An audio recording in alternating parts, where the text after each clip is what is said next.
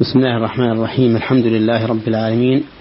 وأصلي وأسلم على نبينا محمد خاتم النبيين وإمام المتقين وعلى آله وأصحابه أجمعين. أما بعد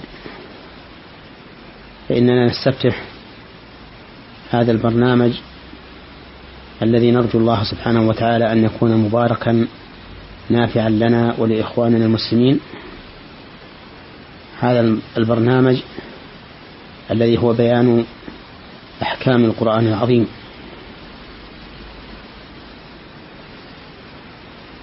هذه الأحكام هي ما تتضمنه الآيات الكريمة من الفوائد الدينية والدنيوية والفردية والاجتماعية. ولا ريب أن كل آية في كتاب الله تتضمن فوائد عظيمة. يعرفها الإنسان بحسب علمه وفهمه. ولا ريب كذلك أن الإنسان يؤتى العلم بحسب ما معه من الإيمان والهدى والتقى. كما قال الله تعالى ويزيد الله الذين اهتدوا هدى.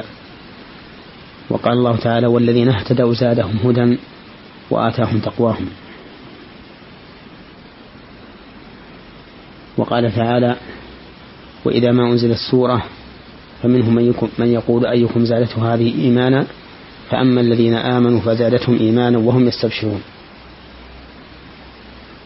وكلما كان الإنسان أشد إقبالا على القرآن وإيمانا به وحبا له وتدبرا لآياته كان به أفهم وبما يدل عليه.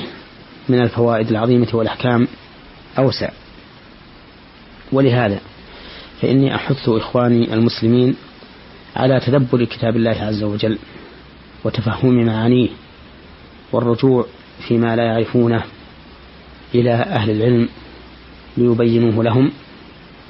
وإن لم يتيسر ذلك فإلى كتب التفسير الموثوق بها كتفسير ابن كثير رحمه الله وتفسير شيخنا عبد الرحمن بن سعدي وتفسير القرطبي وتفسير الشوكاني وغيرها من التفاسير المعروفة الموثوق بمؤلفيها في علمهم ودينهم.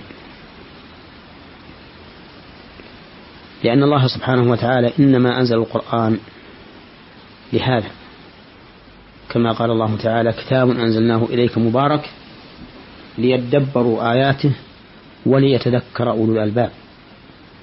فالقرآن الكريم لم ينزل لمجرد التلاوة اللفظية تلاوة الآيات الحرفية بل نزل من أجل هذا ومن أجل ما هو أتم وأكمل وهو تدبر الآيات وتفهم معانيها ثم التذكر بما فيها من القصص والأخبار والمواعظ والأحكام.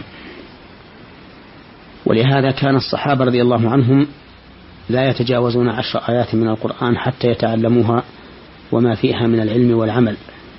فتعلموا القرآن والعلم والعمل جميعا.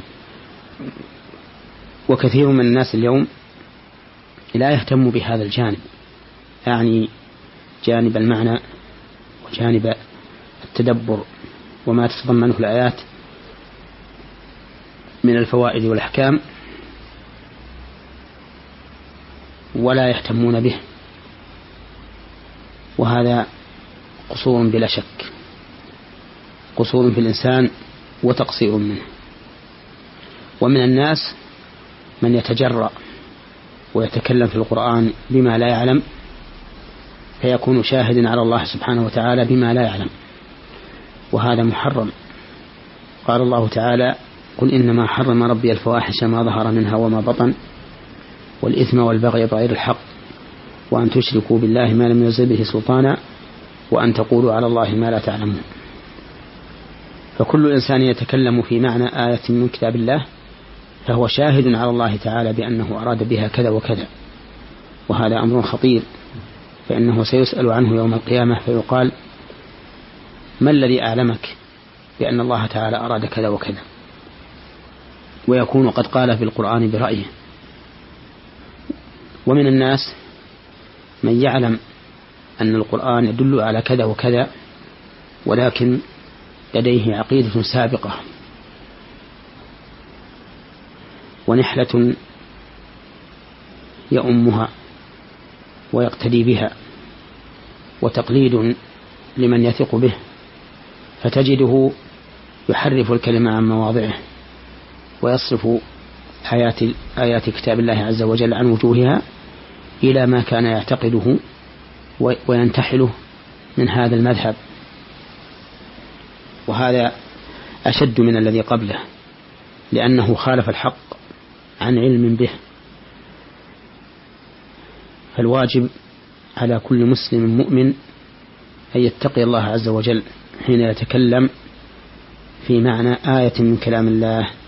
وأن يكون على حذر وأن لا يقول إلا ما يعلم أنه هو المراد أو يغلب على ظنه أنه هو المراد وأما مع الشك فلا فلا يجوز له أن يتكلم في شيء. ونحن في هذا البرنامج لن نتكلم كثيرا عن تفسير الآيات وبيان وجوهها اللغوية من البلاغة والإعراب وغير ذلك لأن هذا والحمد لله موجود في كثير من كتب المفسرين وموجود أيضا في برامج تذاع من هذه الإذاعة السعودية. ولكن يهمني أن أبين الفوائد التي تستنبط من هذه الآيات وأبين وجه ذلك غالبا فيما يحتاج إلى بيان وفيما خفيت دلالته لأن الاستفادة من القرآن الكريم بهذه الطريقة يحصل بها علم كثير. ولهذا سئل علي بن أبي طالب رضي الله عنه هل عهد إليكم النبي صلى الله عليه وسلم بشيء؟ فقال لا والذي برأ النسمة وفلق الحبة. إلا فهما يؤتيه الله تعالى في كتابه وما في هذه الصحيفة وهي, وهي فكاك الأسير. و وإلى إلى آخر ما فيها لكن المهم أنه قال إلا فهما يؤتيه الله تعالى في كتابه.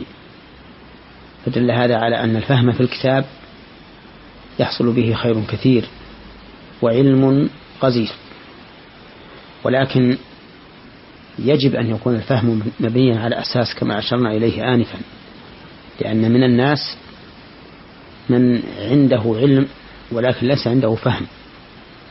ومن الناس من عنده فهم ولكن ليس عنده علم. ومن الناس من عنده علم وفهم ومن الناس من لا علم عنده ولا فهم. الناس أربعة أقسام.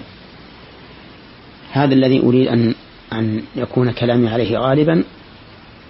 وهو استنباط الفوائد من كتاب الله عز وجل ليحصل بذلك خير كثير. واعلم أن الدلالة تنقسم إلى ثلاثة أقسام مطابقة وتضمن والتزام. فإذا كان فدلالة اللفظ على جميع معناه دلالة مطابقة. ودلالته على جزء معناه دلالة تضمن ودلالته على أمر لازم خارج دلالة التزام ولنضرب لذلك مثلا معنويا ومثلا حسيا. أما المثل المعنوي فانظر إلى اسم من أسماء الله وهو الخالق تجد أن أنه دال على صفة الخلق وعلى الخالق نفسه.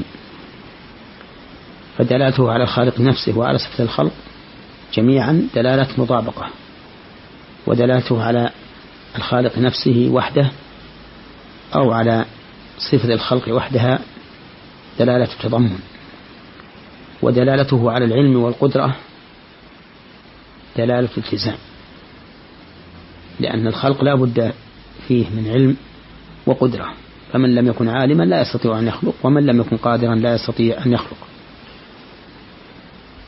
أما المثال الحسي فنقول مثلا هذا بيت بيت فلان.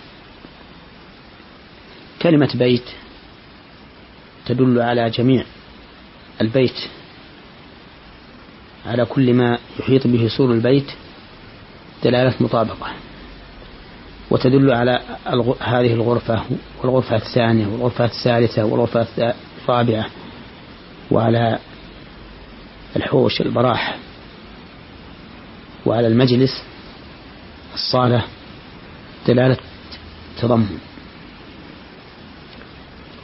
وتدل على أن لهذا البيت بانيا دلالة التزام دلالة الالتزام هذه أنواع هذه الأنواع الثلاثة من الدلالة إذا استعملها الإنسان استعمالا جيدا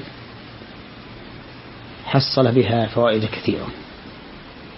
ولهذا تجد بعض أهل العلم إذا تكلم عن آية أو حديث في استنباط أحكامها يستخرج منها أشياء كثيرة. لاستعمال هذه الأنواع الثلاثة من الدلالة. ومن الناس من يقصر فهمه عنها فلا يستطيع أن يستنبط إلا فوائد قليلة.